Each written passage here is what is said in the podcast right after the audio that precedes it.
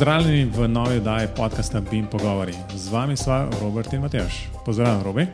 Pozdravljen, Matejš.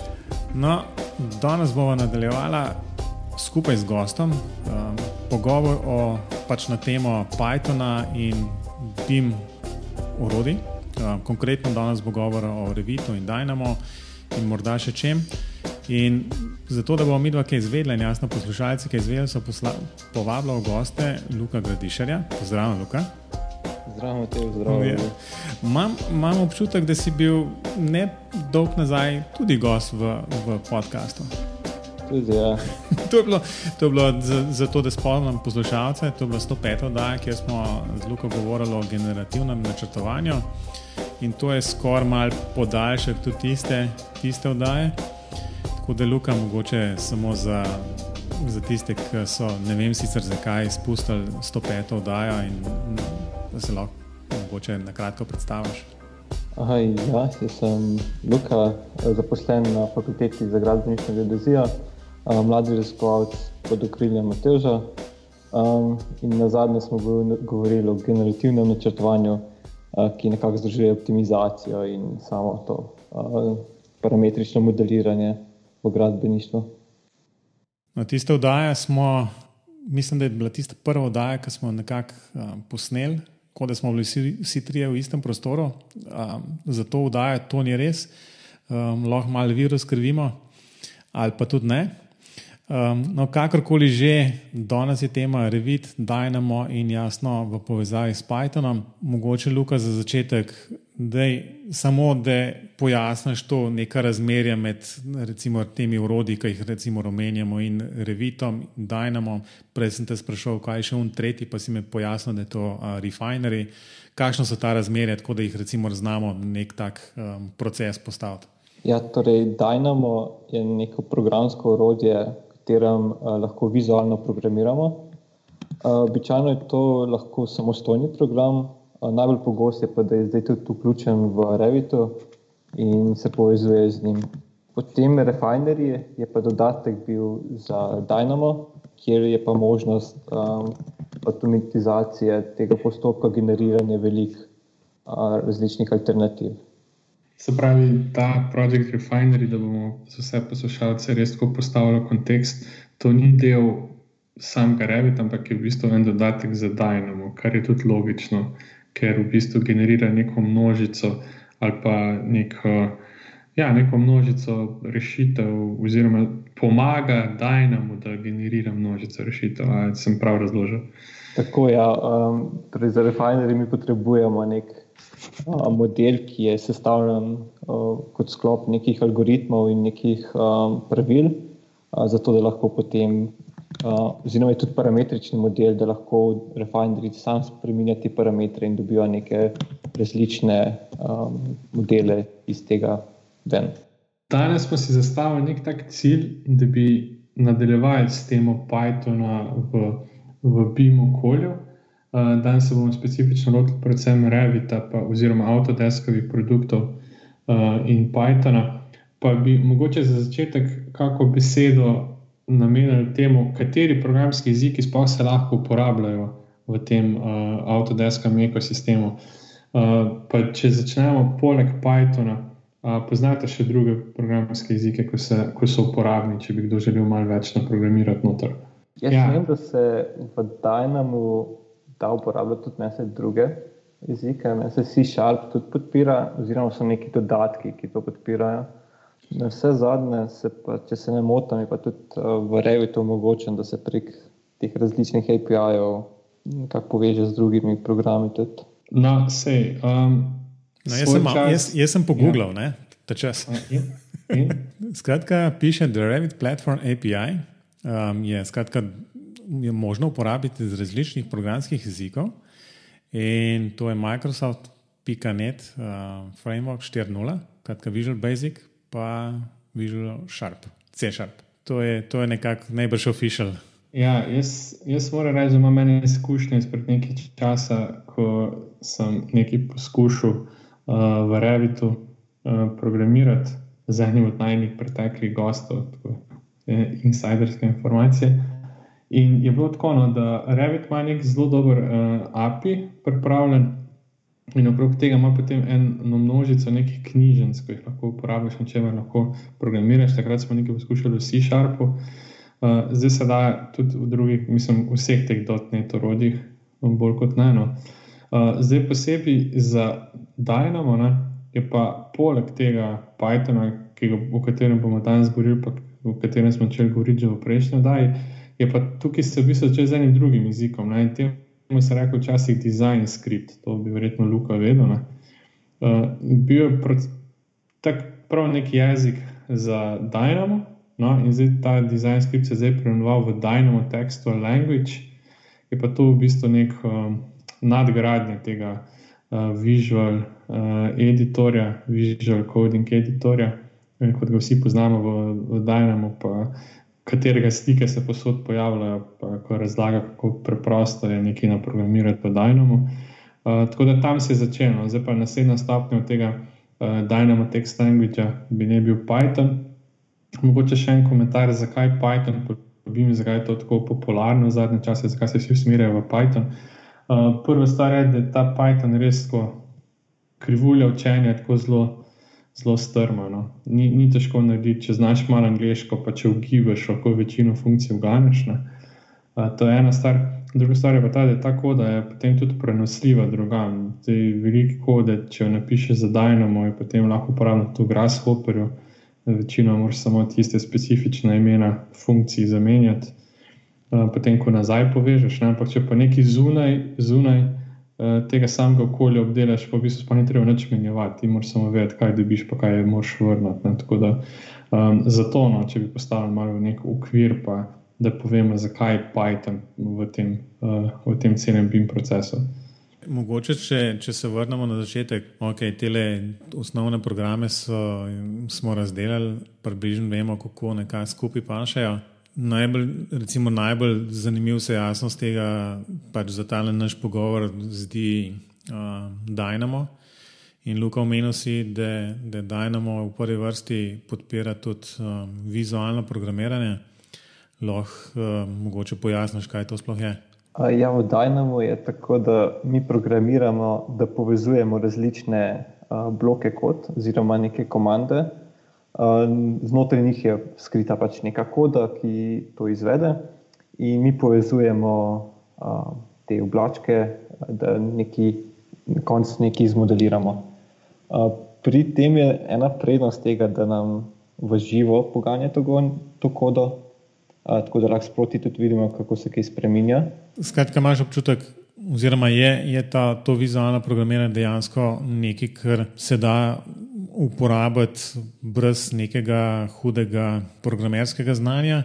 A je treba v bistvu, mislim, zadnjič sva, zadnjič sva postavila, bom skoraj rekel, eno tezo ne, z robijem, da, da to programiranje v teh orodjih, predvsem za začetek, zahteva zelo temeljito poznavanje samega orodja. Um, se pravi, ali to revit, um, ali kaj podobnega. Ali se s tem strinjaš? Načeloma ja, ampak Dynamo deluje tudi kot samostojni program. A, tako da, zre, ko se povezuje z Revitom, so samo nekateri dodatni ukazi v tej povezavi, torej, da lahko te podatke dobimo iz Revita ven in na to pač tudi nazaj importamo. Ampak za samo um, povezavo niti ni tako pomembno znanje Revita. Torej, lahko bi rekel tako, za, za Dynamo je, je malo, malo lažje, zato ker je kot vizualno programiranje, ampak še vedno zahteva nekako to uh, programersko razmišljanje. To je glavno tudi druge, uh, pri ostalih jezikih um, in tam je potem tudi, da se sintaksa naučimo, tukaj so pa pač, kjere, kako te povezave delujejo. Um, nekakšen minus pri tem je bil pa, da se lahko tako, da lahko zelo zaplete, um, da je zelo nepregledna in se temu nekako rečemo, spageti kot. To vizualno programiranje, mislim, jaz sem menih par teh slik videl, pa tiskal si kazal. Vsaj za moje pojme, zgleda, ker sem bolj navaden nekega takšnega klasičnega tekstualnega programiranja, um, v bistvu zelo nepregledno. Um, kako je bilo pa pri tebi, ko si recimo zdaj nam začel delati, ali je bilo v bistvu, ne vem, se je bilo to težko naučiti, ali si v bistvu videl, da, da se v bistvu zadeva zelo hitro gre, še posebej, ko dobiš takoj nekako žive rezultate. In bolj ali manj z nekim poizkušanjem lahko najdeš ta pravi rešitev. Ja, ko sem jaz na začetku to videl, um, me je kar mal uh, prestrašil, kako se to zgleda. Um, ampak ja, začel sem nekako na manjših projektih, oziroma na manjših idejah nekaj graditi. Ampak, kot si rekel, to zelo veliko pomaga, ko v živo vidiš, kaj nekaj spremeni, in medtem ko lahko probavaš s tem preizkušanjem. Ampak na koncu je pa največ podarek na tem, da pa začneš razmišljati uh, kot programersko, uh, da veš, kako kaj povezati um, in kako kašne te povezave med seboj delujejo. Torej, tukaj je tudi potem velik podarek na seznamih v seznamih, zato da ne rabimo ponavljati neke kode večkrat, ampak lahko vse skrijemo v neke večje sezname oziroma podsezname. In to je ta zapleteni del pri učenju Dynama. Ampak verjetno je podobno kot pri vsakem drugem programskem jeziku. Če začneš z manjšimi problemi, pa potem prehajaš na večje, je verjetno tudi ta krivulja učenja v bistvu potem bolj vem, uporabniku prijazna. Tako se jaz predstavljam. Jaz sem sicer Revit poskusil, sem par stvari naredil, v, mislim, ne Revit, Dynamo, pardon. Uh, sem par stvari tam noter poskusil, spremenil, uh, popravil, ampak meni je tako, no, meni se zdi osebno, da bi to veliko, veliko hitreje proceduralno rešil. Zdaj, ko se malo Python naučiš, je, imaš podobno, si podobnega mnenja ali kaj meniš? Ja, veliko stvari se da pač pohitriti z Dynamom. Prednost Pythona tudi v Dynamu je, da lahko nadomestimo vse to, več ta velik del kode, lahko tudi vse zapišemo z Dynamom. Torej, vse, kar bi lahko zapisali, oziroma z Dynamom, bi lahko tudi s Pythonom zapisali. No, pa še precej več, ne? ker Python, kot vem, pa kot sem gledal, uh, omogoča, mislim, podpira precej več uh, nekih ukazov kot sam ta Dynamo Language. Uh, vem, saj, da takoj, ko začneš z nekimi zunanjimi datotekami, pa je ta Dynamo Language oziroma Dynamo Script je kar malo omejen. No. Um, jaz bi tako rekel. S Pythonom si lahko posebej še pomagamo kot nekih ukazov, oziroma teh um, ukazov iz Dynama ni. Večinoma nam lahko pomagajo že te um, dodatki k Dynamo, ki nam kakšne te custom ukaze dodaja, ampak za vse, kar pa ne moramo, oziroma ki pa ne obstajajo, nam pa sigurno služi Python za to. Tole zdaj zgleda skoraj zaslišanje, um, luke na, na, na, v tej vdaji.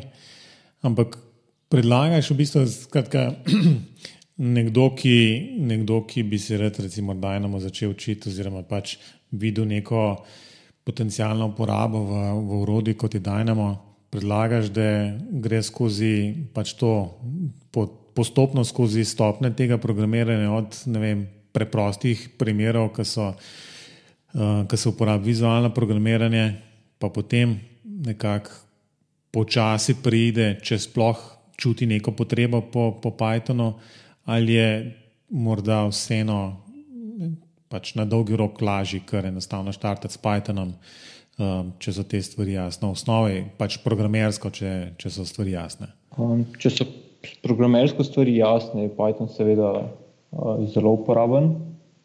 Uh, za začetnike pa rekel, ja, da se najbolj splača uh, začeti osnovno modeliranje z Dynamom, potem se pride nekako na sezname oziroma delanje seznamov. Uh, potem pa še vedno Dynamo veliko krat pride zelo koristen. Torej, kot sem rekel, že zato, da kakšnih teh ukazov ne obstaja, jih lahko z Pythonom nadomestimo oziroma naredimo uh, samo te custom ukaze. Uh, in za vse bolj kompleksne stvari nam tudi Python zelo veliko tukaj pomaga. In tudi lahko vso kodo, ki jo zapišemo kot vizualno, bi lahko tudi na vse zadnje nadomestili samo s Python kodo. Obstaja kakšen um, dejansko možnost, da, da so to, ne vem, uh, vizualen del, ki imaš teh boksov in puščic napeljanih, ne vem, levo, desno, um, da to dajemo sam pretvori v, v neko Python skripto, da se to, ta del nadomesti, ali je v bistvu tako, da, da je enostavno treba še enkrat narediti. E, to, to pa ne bi vedel, če ima kakšno tako orodje. To je pa zelo zanimivo, ja, če, če bi lahko le pretvoril. Ja, v bistvu, kot, kot rečeno, v bistvu, pač jaz si predstavljam, da je mogoče dejansko lažje, ko razvijaš, da vidiš te umestne korake, da vidiš tako rezultate, da pač počasi gradiš. Ampak, ko je nek sklop narejen, rečeš, ok, zdaj pa tole me zapakiri v, eno, v en Dynamo Note, v bistvu, da mi tole vse v, v, v Python uh, pretvor, pa je to tam noter zapakiran. Se ne dotikam več tega, en črn, eno črno škatlico naredi iz tega. Ne? To, to eh, Dynamo omogoča, ampak ne v sklopu Python kode, ampak da vse našo kodo zapakiramo kot en custom node. Torej, mi lahko naredimo uh, vse te, uh, ja, te, mi lahko naredimo te custom node in pri tem je isto, kot če bi delal normalni projekt, ampak vse zapakiramo okay, z nekimi uh, inputi in outputi.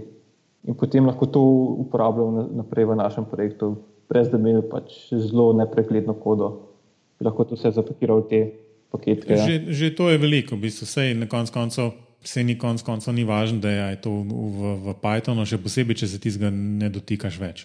Um, važno je samo, da dela in je, in je to. to Tako je. Jaz imam eno drugo vprašanje, zdaj, ker vem, da je Luka, čeprav se predstavlja, da dela na fakulteti, ima tudi izkušnje iz, iz prakse, ne, iz projektov. Eh, pa me zanima, tako, no, če bi znal oceniti na teh večjih projektih, koliko kode se dejansko pripravi v Dynamo, koliko pa v Pythonu. Ali bi lahko to tako ocenil čez palec, eh, glede na to, kar si ti imel izkušnje?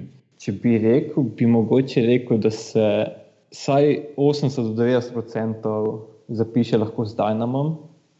Ampak potem, ko se pride do takih problemov, ki jih ali kakšni um, paketi oziroma dodatki Dynamo ne morejo rešiti, se pa tukaj vse lahko uporabi Python. Ali pa če že tistmu, ki je navaden v Pythonu pisati, bi pa lahko tudi vse s Pythonom že zapisal. Tako da tukaj je nekako odvisen tudi, uh, kdo programira. Ja, no, zdaj si mi s temi procenti čisto zuje, sem mislil, da bo tako 70-30. Ampak se pravi, ti meniš, da če se da to na nek preprost način rešiti v samem Dynamo, potem Pythona niti ne potrebuješ, ampak ko pa Dynamo odpove, pa si pa tako psojen na Python. Jaz sem to prav razumel. Tako je, ja, čisto odvisno od problema. In zdaj Dynamo tudi v samem gradbeništvu, bi jaz rekel, da se Dynamo največkrat zdaj uporablja v samih nizkih gradnjah oziroma v tunelih, ker tam so taki problemi, ki jih v samo Revitu ne moremo rešiti brez uporabe Dynama. Lahko še en primer, v bistvu, ker bilo je ravno to, sem hotel vprašati, v bistvu, koliko se dejansko Dynamo sploh v nekih realnih projektih uporablja. Torej, tukaj je vse, kar bi, kar nekako ročno težko zmodeliramo. Se večinoma uporabljajo že tako ali tako knjižnice, in v knjižnicah pa tudi naknadno že generiramo z Dynamom. Drugo je nekako ponovljivost. Če že pripravimo v Dynamo kodo, lahko hitro ponovimo, ne da bi še enkrat trebali to zmodelirati. In tukaj je težko rečem, zato ker odvisno spet od problema, ki ga rešujemo. Jaz bi rekel tako, da za, za same tunele, ki že tako težko upišemo, oziroma zmodeliramo ročno, se dajnamo, ker pogosto uporablja. Potem za detaljiranje in podobno se pa nekako ročno dodaja elemente. Ampak vse že na začetku se pa nekako vse deluje prek knjižnic, prek Dynama, In potem za kakšne take probleme, ki bi jih mogli večkrat ponavljati, se vedno splača uporabiti Dynamo. Ne, da rabimo um, naprimer, vsako črto oziroma vsako točko generirati ročno, samo to uporabimo Dynamo in si zelo veliko pohitrimo problem. In to je tudi zelo odvisen uh, v podjetjih, če imajo projektanti znanje Dynama ali ne, in če so pripravljeni se ga naučiti, da pač pohitrijo svoj problem ne problem, ampak da pohitrijo svoje delo na problemu, verjetno. Tako je. Ja. Uh, zdaj, tako, no, da ne bo naše, tale naš pogovor izvenel čisto prazno, bi jaz mogoče rekel, ali lahko damo ena priporočila nekomu, ki že obvlada enega od BIM programa, se tudi če to arhike, tam je pa Grasshopper, ki je zelo podoben, uh, zelo podoben Dynamo. Uh, Ali lahko da malo priporočilo, kako se tega vse skupaj loti? Zdaj, jaz, če, če smem ti položiti v usta, jaz bi rekel tako, no, da če zaznajo ljudje potrebo po tem, da bi uporabljali en tak, uh, eno tako uh, urodje, kot je Dynamo ali pa Grasshopper, uh, potem že vedo, kje so tiste težave, ki jih ne morejo rešiti brez njega. Ne? Uh, in najbolj, da začnejo tam, v tem, uh, v tem jeziku, za to specifično urodje, ali je to dajnometografsko, ali karkoli druga, ne? so še eni drugi podobni. In ko jim tam zmanjka, ko pride do nečesa, kar ne morejo rešiti, potem naj pogleda malo naprej. In Python je v bistvu ena tako zelo priročna, pa privlačna opcija. Bi me popravil, ali se strinjam s tem? Se kar strinjam. Jaz, jaz bi kar priporočil, da se taki problemi, ki se večkrat ponavljajo, da se že počasi začne uporabljati Dynamo, zato da se s tem naučimo nekako uporabljati samega uh, programiranja. Prostika, mogoče, mogoče bomo svet malo zašli. Um, ampak prej si omenil, pa zdaj le tudi v bistvu to učenje. Recimo, imaš izkušnje iz projektivnih birojev, v bistvu, um, koliko so pa ljudje, v bistvu, eno, koliko imaš sploh časa in koliko imaš ti oceniš, v bistvu, koliko si se ti sploh vem, časa po svetu, da si se dajnamo naučil do te stopne ali pa vsaj približno do te stopne, da, da si bil nekako suveren v tem, da si vedel, kaj počneš, ne da je bilo v bistvu bolj ali manj, recimo, igranje na nekih relativno preprostih primerih. Se pravi, koliko časa to traja, koliko so v bistvu, in predvsem, koliko imajo ljudje sploh dejansko časa nameniti nekemu takemu izobraževanju. Uh mhm, ja. Vem, če začnemo s tisto, koliko, koliko časa v bistvu, recimo, od takrat, ko si rekel, ok, daj nam pa res nekaj, kar bi, kar bi bilo pametno znati. Ne? Koliko je bilo tisto, ko, ko si končno zgubil skoraj strah pred, pred tem, da si dal nek box noter in gledal, kaj so zdaj spet novega zgolj. Torej, tukaj bi nekako rekel, da sem imel različne stopne učenja. Različne torej, stopne strahu, ali kaj? ja. um, torej, pač prvič, ko sem začel, jaz bi tako nekako razdelil znanje, daj nam bi predelil na modeliranje in potem na upravljanje s podatki, oziroma s temi listi podatkov.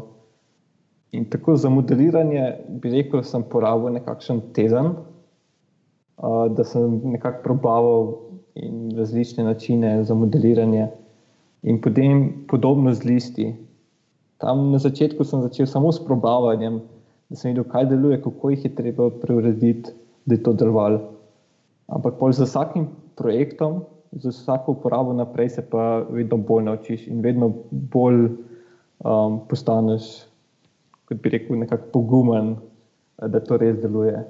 Ampak uh, jaz, ko sem začel nekako, uh, ko sem ustvaril eno kodo, ampak šele potem, ko sem nekako nazaj pogledal, sem videl, kako se da vse to nekako poenostaviti in pohitriti. Ampak predvidevam, da je to tudi drugje. Uh, oziroma pri drugih programskih jezikih. Potem, ko vidiš, ko pogledaš nazaj, že eno kolo, ko si napisal, se sam še nekako za glavo lahko primaš, kaj si se takrat delal.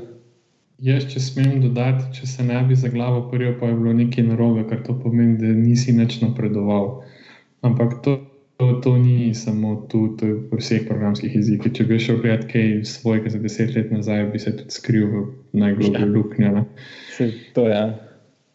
Tako da pač rasteš s tem, potem pa algoritme samo usvojiš in potem jih samo ponavljaš. Ne. V bistvu je težava bolj v tem, da potem čez čas ugotoviš, da vse algoritme, ki delujejo, ponavljaš ne, in na tak način ne napreduješ. Ampak vse za inženirje ni s tem več narobe, ker inženirji smo vedno usmerjeni v rešitev, ne pa v, ne pa v lepoto koda. Ne. Da nadaljujem še z enim vprašanjem, kaj pa, skratka, ok, daj nam recimo en teden plus en teden, um, dva tedna, pa če to malo raztegnemo, imamo en mesec ne, enega počasnega, v bistvu, ali pa zmernega učenja in dela na preprostih stvareh.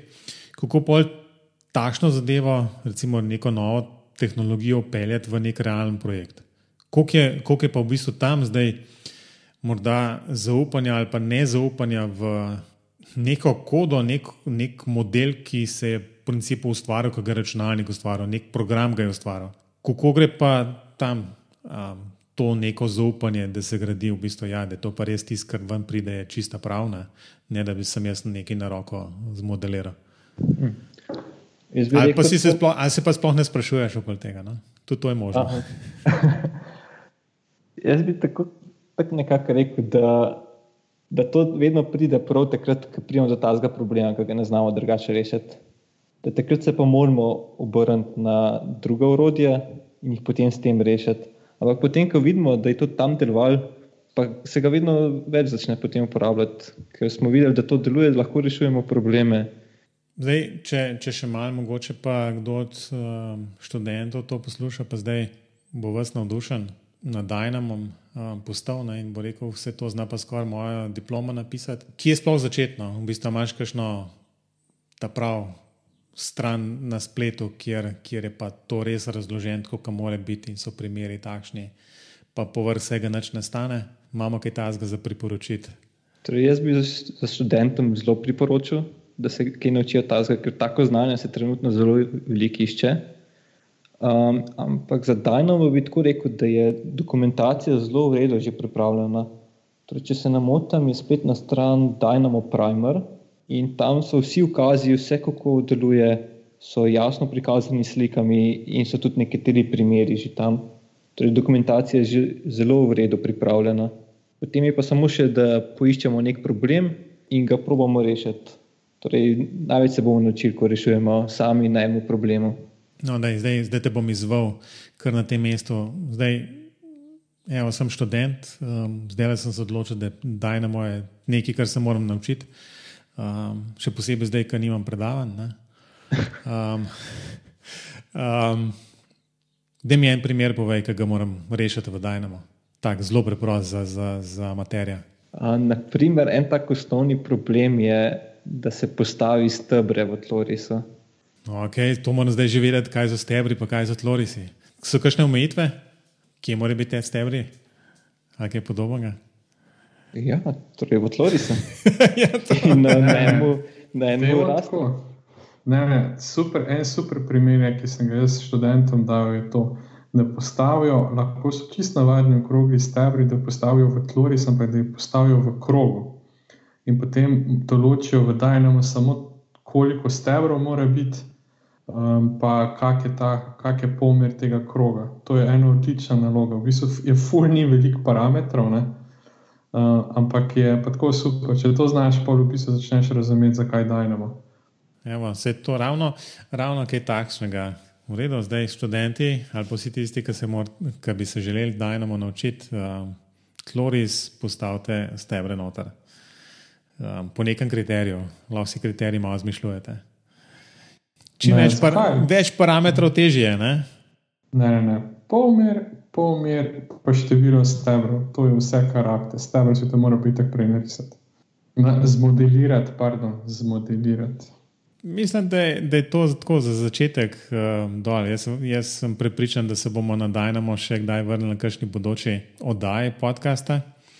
Tako da bi jaz tole počasi zapeljal proti koncu, ampak še prej pa eno vprašanje, ki pač smo danes se sicer že pogovarjali.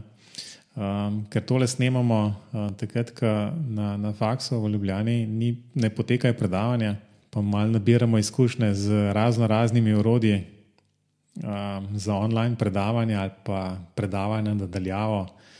Um, Robi, um, slišim, da, da uporabljaš nekaj, kar se reče zoom. zoom. Zoom, ja, sej, mislim, da bomo morali eno oddajo narediti o teh urodjih uh, za sodelovanje nadaljavo. Tako da bi bilo fajn narediti eno oddajo na, na to temo. Mm, odlično, bomo zapisali to nekam. Sam, sam dve besede reči za ta zoom, da vidimo, ali se splača um, investirati v, v, v bistvu, predvsem časno, ker slišim, da je nekaj zastojn. Ne? Dejansko je tako, no, da se verjetno večino zum že poznate, ampak to dejansko dela tako iz nule. Dela, Lahko uporabljate tudi prek brskalnika, sploh ne treba imeti posebnega programa, ampak če imate program, je veliko lažje. No.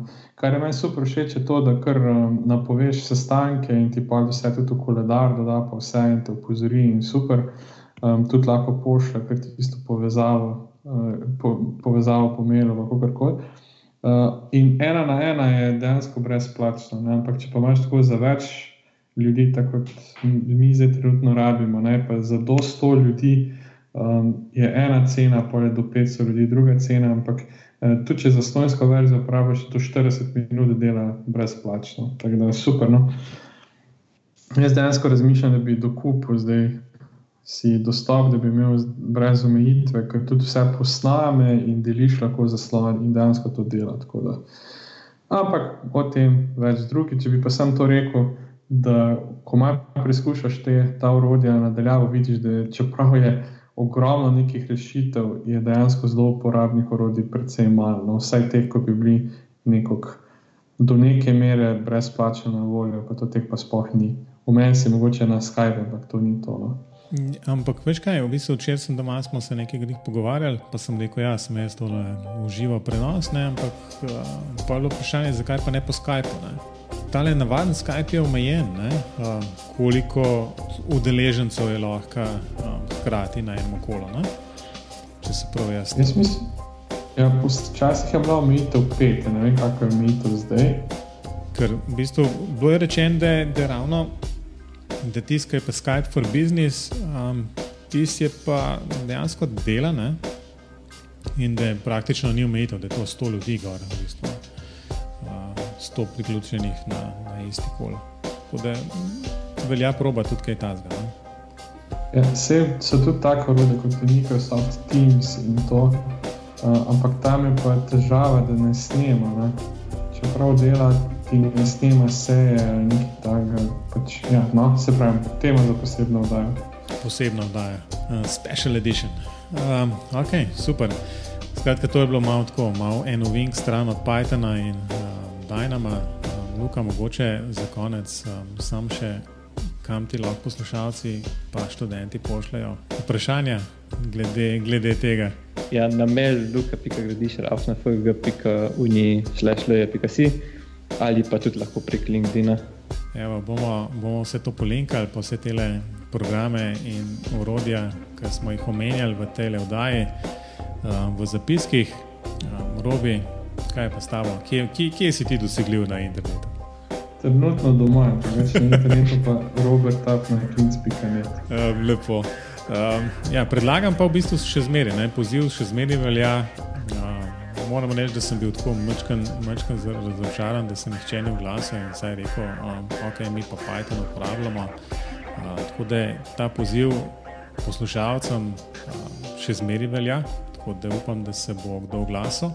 Um, sicer pa jasno lahko maile pošljete na info.afna.bimpogovori.si um, vsemi idejami in predlogi za um, oddaje in morda tudi komentarji na pretekle vdaje.